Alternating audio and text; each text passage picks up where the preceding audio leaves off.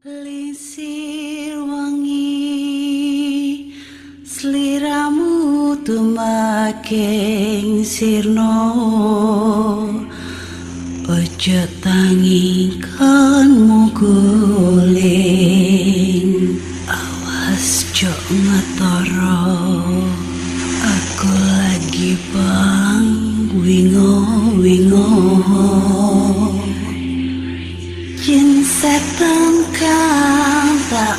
to see.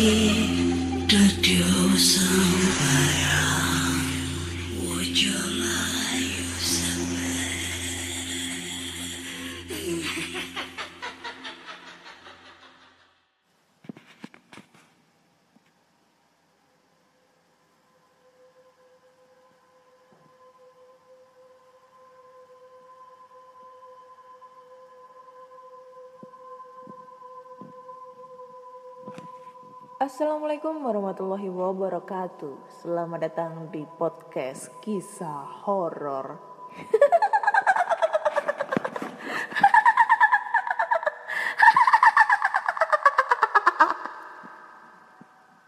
Masih bersama dengan Ana di sini akan membacakan cerita horor ataupun email berhantu yang sudah dikirimkan teman-teman melalui podcast kisah horor at gmail.com ataupun di DM Instagram podcast kisah horor dan DM Instagram Ana Olive. Hari ini hari Selasa tanggal 15 Desember 2020 kurang sekitar 16 hari lagi kita akan uh, merayakan pergantian tahun ya pergantian tahun ke 2021 dari 2020 ke 2021 terus project apa yang udah kalian siapin? Planning apa yang udah kalian siapin untuk di tahun yang akan datang? Mungkin yang jomblo bakal punya pacar yang udah punya pacar bakal ngehalalin pacarnya atau yang mungkin yang jomblo dan gak bisa ngehalalin pacarnya dia cuma bisa gigit jari aja. Kayak aku gini ya. Aduh udah udah dua kali ini aku datang ke kondangan yang bisanya cuma aku gigit jari aja ngaplo ngeliat mereka gitu ya. Kapan aku bisa gitu duduk di pelaminan? Ais, pelaminan. Planning 2020 2021 umurku udah mau di kepala tiga anjim aduh udah tua banget udah mau kepala tiga dan aku masih jomblo. Ah shit man. Ya mau gimana lagi inilah hidup gue Oh ya, sebelum kita mau mulai bercerita, aku mau ngasih pengumuman sedikit aja. Kemarin kan udah aku posting di Instagram ya, di story di story podcast kisah horor sama feed Instagram podcast kisah horor. Jadi kemarin uh, aku udah pernah ngasih tahu kalau channel YouTubeku udah balik lagi nih. Channel YouTubeku udah balik lagi dan aku udah upin lagi video-video lamaku. Nah, channel YouTubeku ini kan udah lama banget nih terbengkalai karena aku sekarang nggak mungkin lagi untuk explore-explore tempat terbengkalai gitu ya karena ada sesuatu hal yang membuat aku nggak bisa melanjutkan kegiatan explore aku. Jadi mumpung ini channel nganggur gak diapa-apain, ya udah aku bikin uh, cerita cerita horor jadi podcast kisah horor yang sudah dikirimkan teman-teman aku upin di YouTube gitu ya. Tapi di YouTube itu mungkin cukup satu cerita aja dan di cerita di YouTube itu gak bakalan ada di Spotify. Dan di Spotify cerita Spotify gak ada di YouTube. Jadi ceritanya berbeda ya supaya gak bosen gitu orang-orang ngedengerinya kayak gitu. Jadi buat kalian yang belum subscribe channel YouTube aku ataupun mungkin belum mampir ke channel YouTube aku silahkan kalian subscribe channel YouTube aku. Udah aku ganti ya namanya bukan Ana Olive lagi namanya podcast kisah horor. Jangan lupa subscribe like komen dan share jika kalian suka ya.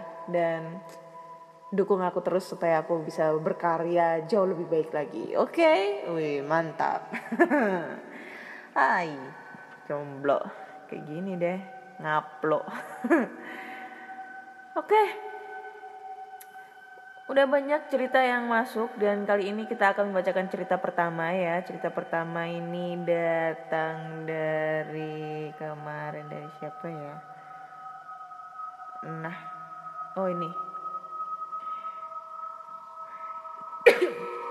cerita pertama datang dari email namanya not rife gitu ya, not rife.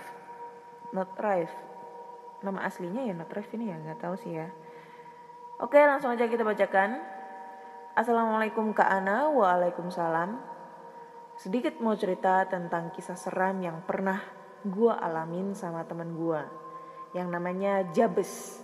Jabes. Jabes apa Jabes nih sebenarnya pengalaman ini lumayan udah lumayan lama sih bentar ya Kejadian ini gue alamin dua malam berturut-turut.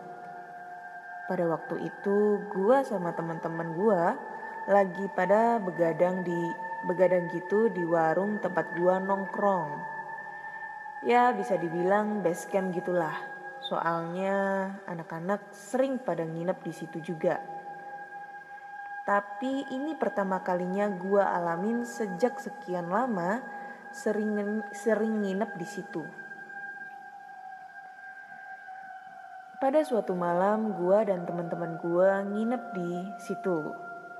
Semua berawal dengan seru, anak-anak pada ketawa-ketawa selayaknya orang nongkrong. Kemudian, sekitar jam 11 malam, tiba-tiba listrik padam. Dan teman-teman gua mendadak diem karena bingung mau ngapain lagi. Kalau listrik padam dan mereka semua pun memilih untuk tidur. Di situ tinggal gua sama teman gua, Jabes, yang belum tidur. Gua masih asik aja gitaran sambil nyanyi-nyanyi. Padahal itu itu udah jam 2-an. Lalu sekilas gua mencium bau sate yang nanti hilang nanti ada. Gua pikir cuma gua aja kali yang nyium bau itu. Ternyata si Jabes juga sama nyium juga bau sate itu yang berasal dari arah pohon bambu yang berada di depan rumah warung tongkrongan gua itu. Nah, Jabes pun berkata, Lu nyium bau sate enggak? Lalu gue jawab, Iya nih Bes, dari tadi malah gue nyiumnya. Dan mitos di tempat gue itu kalau bau sate ada setan. Eh, dan mitos di tempat gue itu kalau ada bau sate berarti ada setan konde. Gue juga nggak tahu wujudnya kayak gimana. Tapi kalau kata orang-orang di tempat gua itu setan setannya lumayan jahil. Dan seketika gua sama Jabes langsung bergegas nyempil di tengah teman-teman gua yang lagi pada tidur. Kemudian di malam keduanya gua sama masih sama Jabes. Gua sama Jabes emang hobi mancing. Waktu itu gua mau pulang abis mancing sama sama dia di di Setu yang gak terlalu jauh dari rumah. Jalanlah gua berdua sama dia sekitar jam 12 malam dan ngelewatin rumah warung tongkrongan gua itu. Ternyata warung itu sepi anak-anak, gak ada yang nongkrong. Dan warung itu memiliki halaman yang luas dan dipagari pohon teh-tehan gitu yang tingginya seketiak orang dewasa gitu. Gua sama Jabes ngelewatin jalan setapak gitu yang ada di belakang rumah warung itu. Belum ngelewatin rumah warung itu, gua sama Jabes berhenti sejenak. Jabes sih awalnya yang lihat duluan. Dia langsung narik gua yang lagi jalan sambil ngomong pelan. Woi, berhenti. Gue langsung berhenti sambil gue tanya, ngapa lu? Lalu dia menjawab, ada cewek, nyonoh. Gue jawab, mana tai? Lalu si Jabes ngejawab lagi, sini napa lu jongkok, ntar dia ngeliat lu. gue seketika langsung jongkok dan yang gue lihat bener ada perempuan di balik pohon tetehan itu yang kelihatan dari bahu sampai kepala aja. Soalnya ketutup sama pohon teh itu. Perempuan itu berdiri di bawah sinar lampu jalan kampung itu. Dan beberapa detik dia jalan gak kayak orang jalan biasanya. Dia jalan kayak naik skateboard gitu. Kayak biasa gitu, bukan jalan. Lalu Jabes bergegas ngajak gua mutar sambil bilang, "Buruk, kita muter. Kita pastiin itu cewek beneran apa bukan. Kalau kita intip di sono, dia lewat, berarti cewek beneran." Langsung kan gua jalan cepet ngikutin apa kata si Jabes sambil nyumput nungguin di ujung jalan itu.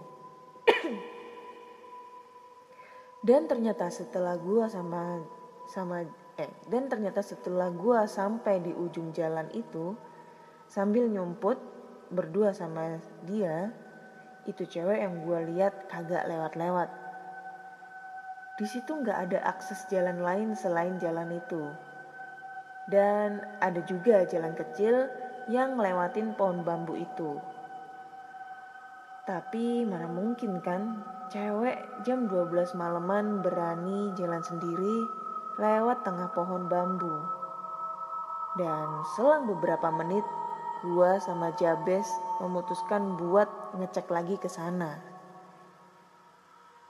Tapi lewat jalan yang dilalui cewek itu. Sepanjang jalan gua nggak ngeliat cewek itu dan setelah sampai di sana sepi. Cuma terdengar suara burung hantu dari arah pohon bambu. Seketika gua sama Jabes terkejut dan gak ngomong apa-apa lagi. Gua langsung jalan sama dia, jalan-jalan, jalan, lama-lama lari. Dan pas pertama gua mulai lari sama Jabes, sialnya gua diketawain suara kunti kuntilanak dari arah pohon bambu itu. Sekian itu cerita real gua yang pernah gua alamin semasa nganggur lulus SMK. Terima kasih. Oke, okay. thank you Netref, Notref ya buat ceritanya Notref, Notref, Notref itu siapa sih? Pengalaman diketawain kuntilini ya. Hmm. Jabes. Namanya keren ya Jabes Jabes Jab, Jabes Jabes Jabes eh gimana sih bacanya? Jabes gitu ya. Habisnya aneh gitu. Aneh namanya ya. Hmm. Nyium sate. Tapi biasanya kalau uh, nyium bau sate terus nyium bau kentang rebus ataupun ubi bakar itu biasanya identik dengan uh, genderuwo ya genderuwo gitu. Tapi kalau kuntilanak itu lebih ke identik bau busuk gitu ya bau bangke. Kalau gitu bau darah anyir darah darah anyir apalah itu. Kalau gitu ya bau kembang gitu biasanya kalau kuntilinik gitu ya. Kalau sate-satean tuh biasanya setahu aku genderuwo itu Mas Wowo. Atau mungkin Mas Wowo sama Mbak Kuntilnya lagi pacaran terus ngerasa terganggu sama kalian semua kan bisa aja kali ya. Lu lu rame sih di situ nongkrong sama temen lu nyanyi nyanyi terus nggak bikin bad mood Mas Wowo nih lagi bercumbu lagi pacaran sama Mbak Kuntil. Jadinya digangguin kan elunya? Ah, lagian. Siapa juga yang bakar-bakar sate tengah malam? Gila. Sate. Teh sat ada ada aja. Oke okay, thank you Jabes dan Notref Oke, Jabes ceritanya ya. Belum begitu merinding. Oke okay, kita cek cek lagi untuk cerita berikutnya ya cerita berikutnya. Hmm, cerita berikutnya ini datang dari Ujang Backpacker. Woody Woodpecker. Ujang Backpacker ya. Halo podcast kisah horor. Aku adalah pendengar baru podcast Kak Ana. Dan sekarang lagi maraton nih ngedengerinya. Dan aku ingin pengen berbagi cerita sama teman-teman horor semuanya. Oke, kita langsung dengerin ceritanya ya. Jadi gue berasal dari Cianjur, Jawa Barat. Dan nama gue Ujang. Persis sama kayak nama di email gue. Hehehe. Oke, gue mau berbagi pengalaman mistis gue sekitar tahun 2015 lalu. Waktu itu gue dimintain tolong sama teman gue buat ngejagain kosan sekalian nemenin istrinya di kosan yang ditinggal pulang untuk beberapa hari sama temen gue itu ke Bandung. Oh ya, kosan yang gue datengin itu kebetulan kosan bekas gue urus 2 tahun yang lalu. Sekitar 2013 lalu gue yang jaga di sana. Dan 2014 gue keluar dan digantiin sama temen gue. Gue enak banget ya ngomong gue gue gue. Dulu waktu gue masih jaga di kosan itu sering banget ngerasa aneh. Kayak ada yang merhatiin gitu. Sampai gue sering banget ngalamin hal-hal yang tak masuk akal. Sampai akhirnya gue mutusin buat keluar berhenti, buat keluar berhenti jaga itu kosan. Tapi anehnya setelah gue berhenti bekerja dari situ, gue gak sadar kalau gue kok selalu balik lagi, balik lagi ke kosan itu. Entah itu sekedar mampir, entah itu sekedar buat ngumpul-ngumpul sama temen gue yang sekarang jaga kosan itu. Dan gue juga sering dimintain tolong buat menjaga kosan itu di saat temen gue pulang ke Bandung beberapa hari sama kayak saat kemarin gue kedapatan lagi buat gantiin temen gue jaga kosan. Dan kayak biasa gue selalu ngerasa ada yang ngawasin gue di situ. Makhluk gak kasat mata. Bayangin, kosan tiga lantai dengan 12 kamar kos yang cuma ada beberapa kamar kos yang terisi Sisanya dibiarkan kosong tak berpenghuni. Gue heran sebenarnya ada apa di kosan itu dan kenapa perasaan gue selalu ngerasain hal yang aneh yang bikin gue gak enak hati setiap gue tinggal di situ. Dan bener aja, pas malam kedua saat gue gantiin temen gue jaga kosan, gue makin ngerasain gak enak hati banget. Gue makin gelisah tinggal di sana. Waktu itu gue mulai gak bisa tidur. Gue ini seharusnya terbiasa sama keadaan kosan yang sepi. Malah semakin gak enak hati.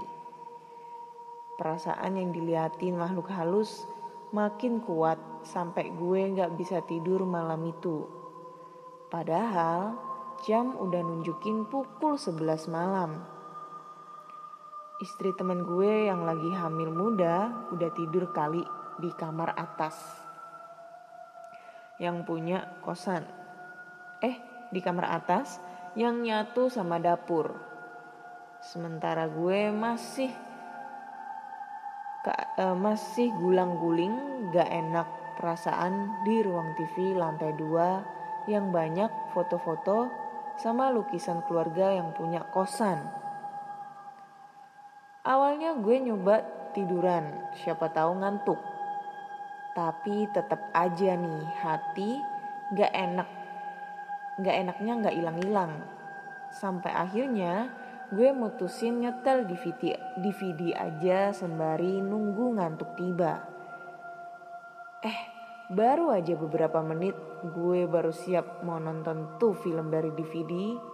Tiba-tiba gue dikejutkan bukan main sama suara kerasnya minta ampun. Kayak sesuatu yang putus. Dan pas gue noleh ke arah suara, gue ngeliat dengan mata melotot, kaget lihat lukisan keluarga yang terpasang di pojok ruang TV, gelantungan gerak sendiri. Kayak ada yang gerakin dengan posisi ngegantung setengah, mau jatuh dengan satu tali kiri yang terputus. Spontan keadaan membuat gue ketakutan bukan main, sambil badan lemes gemeter. Gue konyam kanyim gak karuan sekencang-kencangnya sambil masih ngeliatin itu lukisan gerak-gerak gelantungan sendiri sampai akhirnya itu lukisan jatuh ke sofa merah yang tepat di bawah lukisan. Ternyata kegelisahan hati gue selama beberapa hari itu bakalan ngalamin hal yang serem kayak di film-film hantu yang gue alamin sendiri di kosan yang selama ini selalu neror gue. Gila, dari kejadian itu gue langsung kayak orang lilung, linglung yang habis kena hipnotis antara setengah sadar. Kata istri teman gue, gue jadi suka diem ngelamun dengan mata kosong. Sambil eh sampai beberapa hari Kemudian teman gue balik karena ditelepon istrinya. Dia ketakutan lihat gue kayak orang linglung dan tem pas teman gue balik, gue langsung disadarin sama teman gue. Sampai akhirnya gue bisa nyeritain kronologi kejadian serem malam itu. Dan kami bertiga akhirnya memindahkan lukisan keluarga itu ke kamar utama pemilik kosan dan berharap tidak terjadi apa-apa dengan gue lagi atau sama penghuni kosan dan juga keluarga dari lukisan itu tersendi itu sendiri. Dan gue pun kembali baikan dan pulang ke Cianjur dengan perasaan lega. Thank you Kak Ana udah dibacain ceritanya. Mohon maaf jika kepanjangan dan belibet ceritanya. God bless you. Oke, okay, thank you Ujang. God bless you too ceritanya. Oh ya, lukisan. Emang udah biasa banget ya.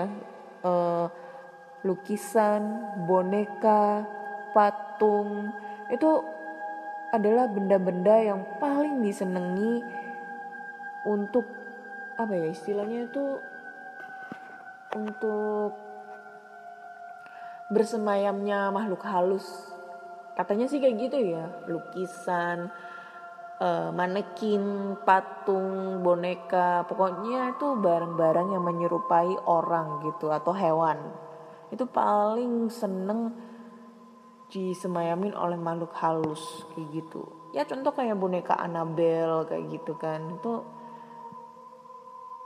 arwah itu kan suka banget tuh bersemayam sama sosok benda yang menyerupai manusia yang pikirnya pikirnya itu adalah benda tersebut bisa menjadi badan mereka gitu loh.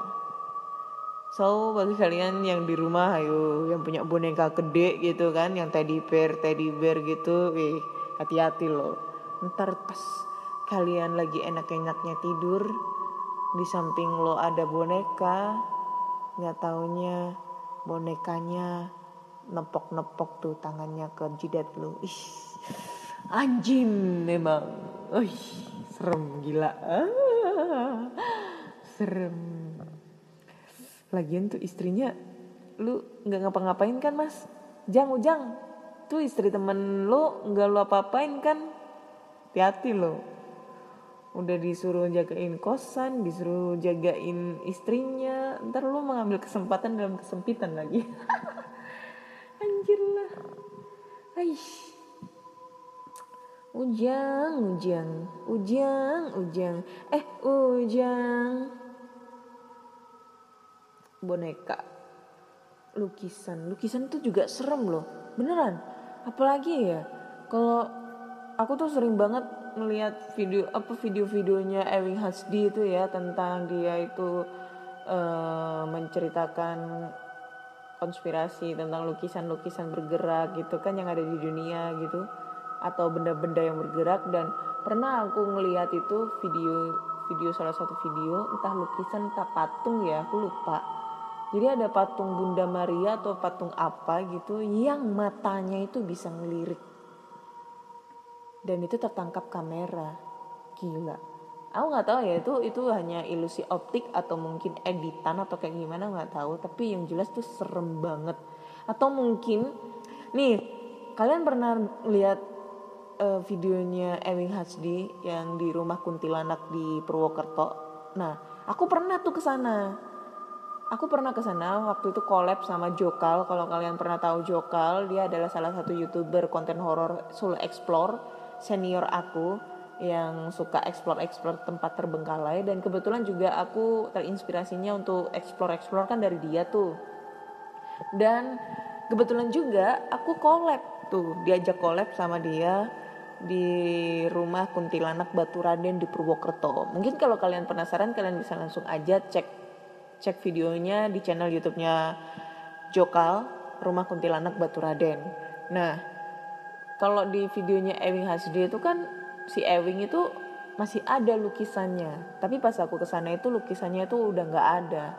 Dan di di videonya Ewing itu dalam lukisan itu si mata lukisannya itu bisa bergerak dong ke kanan ke kiri. Nah itu aku tuh penasaran. Tapi udah nyampe sana sih nggak ada lukisannya. Jadi itu rumah itu sebenarnya bukan rumah rumah real maksudnya rumah-rumah penduduk dulu itu bukan. Tapi rumah tersebut itu adalah uh, properti ya properti pada saat syuting. Terus lokasinya itu sumpah lokasinya itu ada di tengah-tengah alas dan itu naik ke atas kalau aku dulu ceritain ya aku itu berangkat dari Surabaya itu jam setengah tujuh pagi nyampe di Purwokerto itu jam setengah dua belas malam. Nonstop nyetir sendirian bawa mobil sendiri ya terus nyampe sana itu nggak taunya tuh Jo si Jo si Jo sama Yongkru itu udah pada udah pada ngonten nih giliran aku yang belum. E, niatnya sih mereka nyuruh aku ngonten besoknya aja tapi aku mikir karena besoknya itu hari Minggu aku udah harus balik ke Surabaya karena Senin aku harus sudah kerja. Jadinya mau nggak mau aku paksain untuk uh, ngonten di saat itu juga. Walaupun badan capek, mereka takutnya sih aku kenapa-napa karena aku nyetir sendirian kan. Takutnya kecapean akhirnya terjadi hal yang tidak diinginkan. Tapi aku aku bertekad nih, udah ya. Akhirnya aku sama Joe yang naik ke atas sendiri bawa mobil ke atas gitu kan. Dan di sana itu udah nggak ada sinyal situasinya itu hujan gerimis-gerimis jalanan licin dan banyak banget jurang-jurangnya itu yang kita juga hati-hati nyetirnya. Dan gila waktu itu kita sempat disasarin dong ke sana kata si Jo itu waktu pertama kali dia naik itu dia cuma ngelewatin dua jembatan. Karena di sana ada jembatan kecil gitu ya. Dia cuma ngelewatin dua jembatan dan gak ada lagi. Memang kata si penjaga kebun tersebut cuma ada dua jembatan. Tapi pas kita ke sana sendirian berdua itu sama si Jo itu kita bisa saring sampai ngelewatin tiga jembatan. Dan akhirnya kita putar balik yang hampir mau jatuh ke jurang gila sumpah. Itu udah udah mulai parno banget dan kita aduh udah mulai bukan takut sih ya tapi kita bingung itu nyasar di sana di tengah hutan dan takutnya ada binatang buas gitu ya.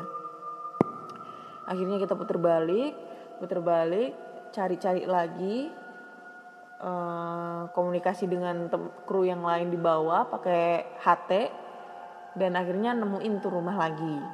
Nah di sesi itu karena si Jo udah selesai tuh ya bikin konten untuk eksplornya akhirnya aku kebagian untuk uji nyali di sana. Jadi aku ditinggal nih sama si Jo di sana dan jarak mobil sama rumah itu sekitar satu kilometer. Jadi si Jo nunggu di mobil sedangkan aku uji nyali di rumah tersebut yang aku pikirkan pada saat itu di sana nggak ada apa-apa sih ya. Yang aku takutin cuma binatang buas ya karena posisinya juga di tengah alas. Kita nggak tahu ya di sana ada apa. Kalau kalian orang Purwokerto pasti tahu ya Purwokerto uh, alas bat, alas Purwokerto Batu Raden itu kayak gimana.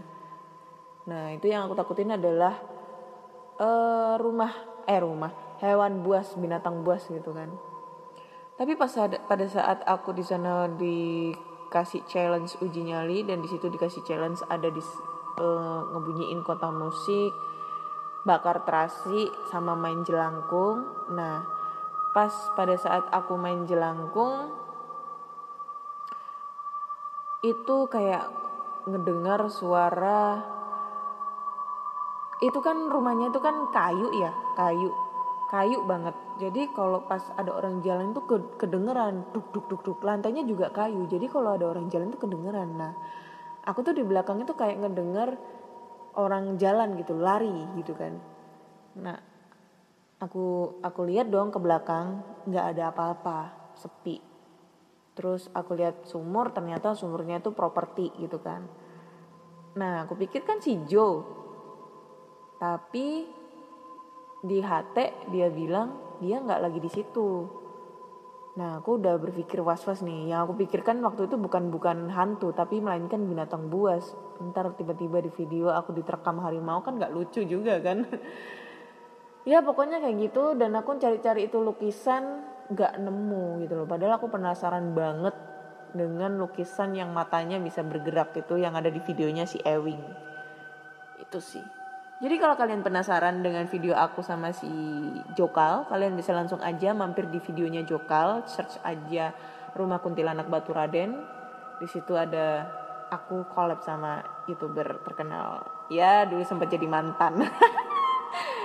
Beneran nih, aku dulu pernah pacaran sama si Jo, tapi cuma beberapa bulan ya karena memang perbedaan pendapat, perbedaan keyakinan, perbedaan usia juga dia di bawahku. Jadi ya udahlah jadi teman aja sekarang gitu. Iya iya. Aku udah bisa move on kok tenang aja aku move on kok. Oke lanjut ke cerita terakhir ya cerita ketiga. Wih panjang nih ceritanya. Oke bacakan aja. Halo Kak Ana Kali ini aku mau menceritakan tentang pengalaman hororku. Kisah ini berawal tahun 2012. Ketika teman saya ada sebuah kegiatan selama 4 hari 5 malam dan akhirnya menginap di sebuah hotel bersama dengan temannya. Nah, bentar-bentar. Oh bukan, belum. Nah, saya akan bercerita di posisi teman saya ini. Kamar tempat saya menginap di kamar lantai 5 nomor sekian pada malam Jumat. Saya ditelepon teman yang berada di kampung minta menemani dia pergi ke pantai Karangbolong. Saya keluar dari hotel menuju jalan raya dan dia sudah menjemput di situ membawa mobil pribadi. Teman saya yang satunya tinggal di hotel. Tidak banyak bicara, kami berangkat menuju suatu tempat. Ternyata, masuk ke area pantai Karangbolong, jika berdiri di pintu masuk Karangbolong, posisi jam 2 dari mulut Karangbolong, kurang lebih 100 meteran dari situ. Mobil diparkir tepat di depan sebuah villa yang ternyata itu tempat tinggal karyawan, penjaga, atau pelayan villa. Menuju tempat itulah kami masuk dan disambut baik oleh tuan rumah yang sudah berumur setengah tua. Bentar, bentar. Ini kayaknya udah pernah deh.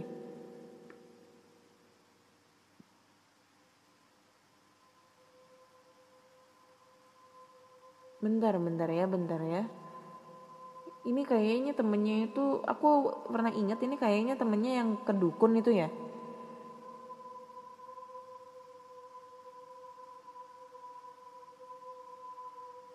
Ah, bentar ya, dipanggil melalui wiritan pelaku masuk membawa berbagai persyaratan antara lain membawa madat. Iya, ini udah pernah anjim. Kok diulang lagi ya?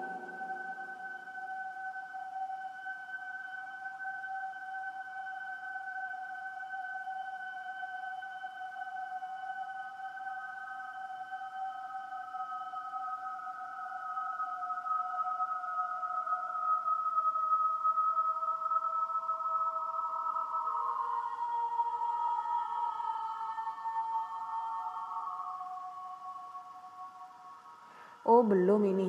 Sorry sorry sorry ini belum ya. Aku agak ngebaca-baca sebentar soalnya. Oke lanjut ya.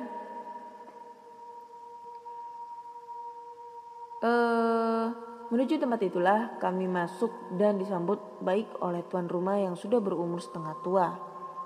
Tidak ada obrolan yang ditutupi dari pendengaran saya. Semua dapat saya dengar dengan jelas. Dari sinilah saya tahu persis apa maksud teman saya tadi. Ternyata, lubang gua kecil yang diceritakan di atas tempat memanggil jin, ya mungkin lokasi untuk bertapa, atau entah apalah namanya.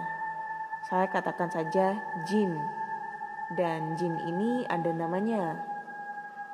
Jin ini bisa dipanggil dengan melalui wiritan Pelaku masuk membawa berbagai persyaratan, antara lain membawa madat sesajen.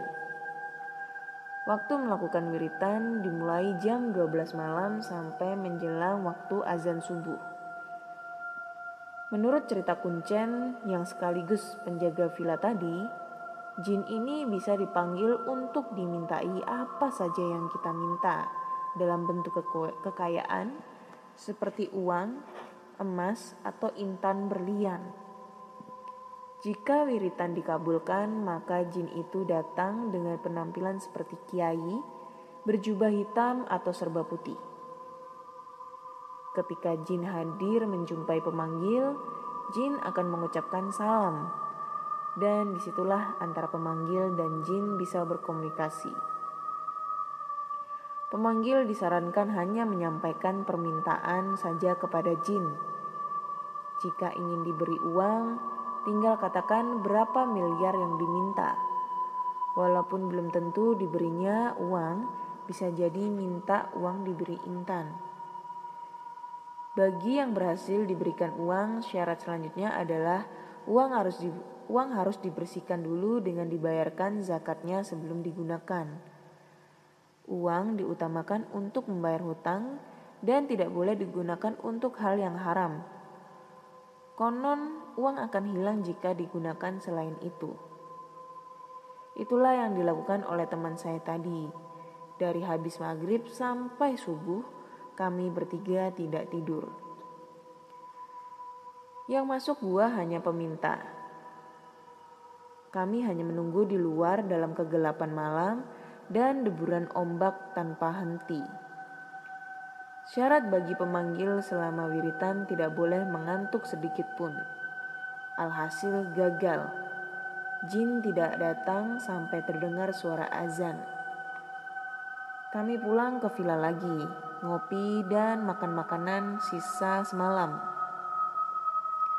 Sepanjang waktu menunggu jam 12, saya terus ngobrol dengan kuncen tadi. Saya termasuk orang yang suka penasaran dan ingin tahu lebih dalam kalau yang namanya cerita-cerita mistis seperti itu. Menurut Kuncen, yang berhasil belum pernah ada. Belum pernah ada yang pernah berhasil diberi uang atau intan, kecuali batu cincin. Kegagalan sering terjadi karena pelaku mengantuk atau badannya tidak bersih, atau nafsunya masih serakah. Menurutnya, banyak dari mereka yang melakukan bertemu dengan jin itu. Tetapi tidak ada yang diberi sesuai permintaan. Bahkan ada yang lari ketakutan. Dia sendiri pernah melakukannya dan diberi sebongkah intan. Saya tidak percaya begitu saja. Saya minta izin untuk melihatnya. Astaga, benar, intan. Besarnya sebesar buah nangka lonjong yang ukuran beratnya 4 kiloan. Tapi tidak bisa dijual karena begitu dites di toko emas, katanya masih intan mentah. Dia belum bisa menyempurnakannya dengan cara mistis pula. Oh ya, mengenai teman saya yang tinggal di kamar hotel, ketika saya tinggalkan main ke pantai Karangbolong, dia sendirian di, dia sendirian tinggal di kamar baca-baca buku. Dari luar ada yang mengetuk-ngetuk pintu sampai tiga kali. Suruh masuk tidak mau masuk. Begitu dibuka pintu, eh tidak ada siapa-siapa.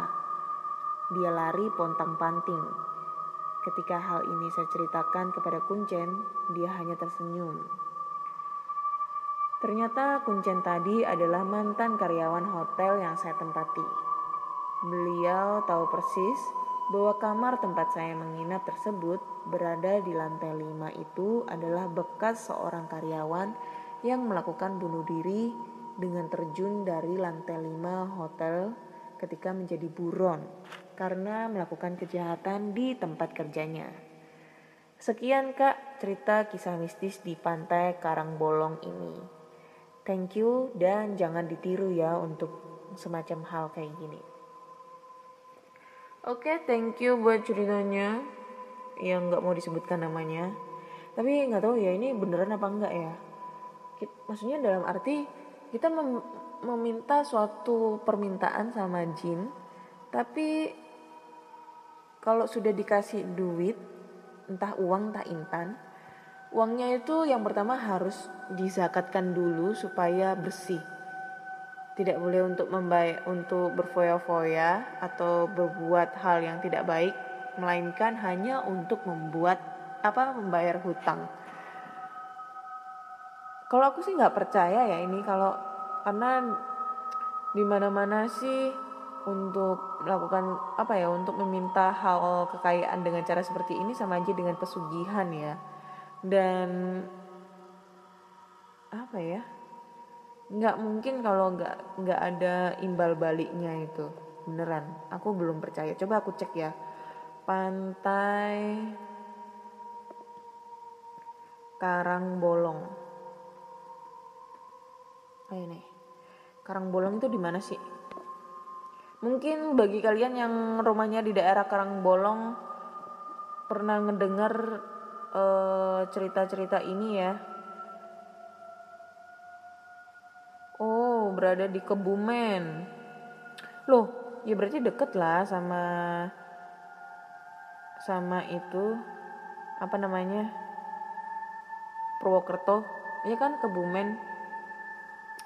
Pantai Karangbolong Anyer. eh ini yang di Serang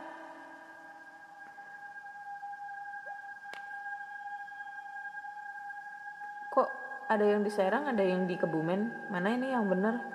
Tempat mistis. Bentar ya aku cek. Ini ada yang di mana ya?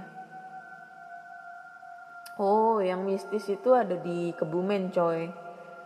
Di Kebumen. Oh. Ya mungkin bagi teman-teman ada yang pernah tahu tentang cerita-cerita uh, hal yang seperti ini di pantai-pantai? Eh sebenarnya sih ini sih bukan termasuk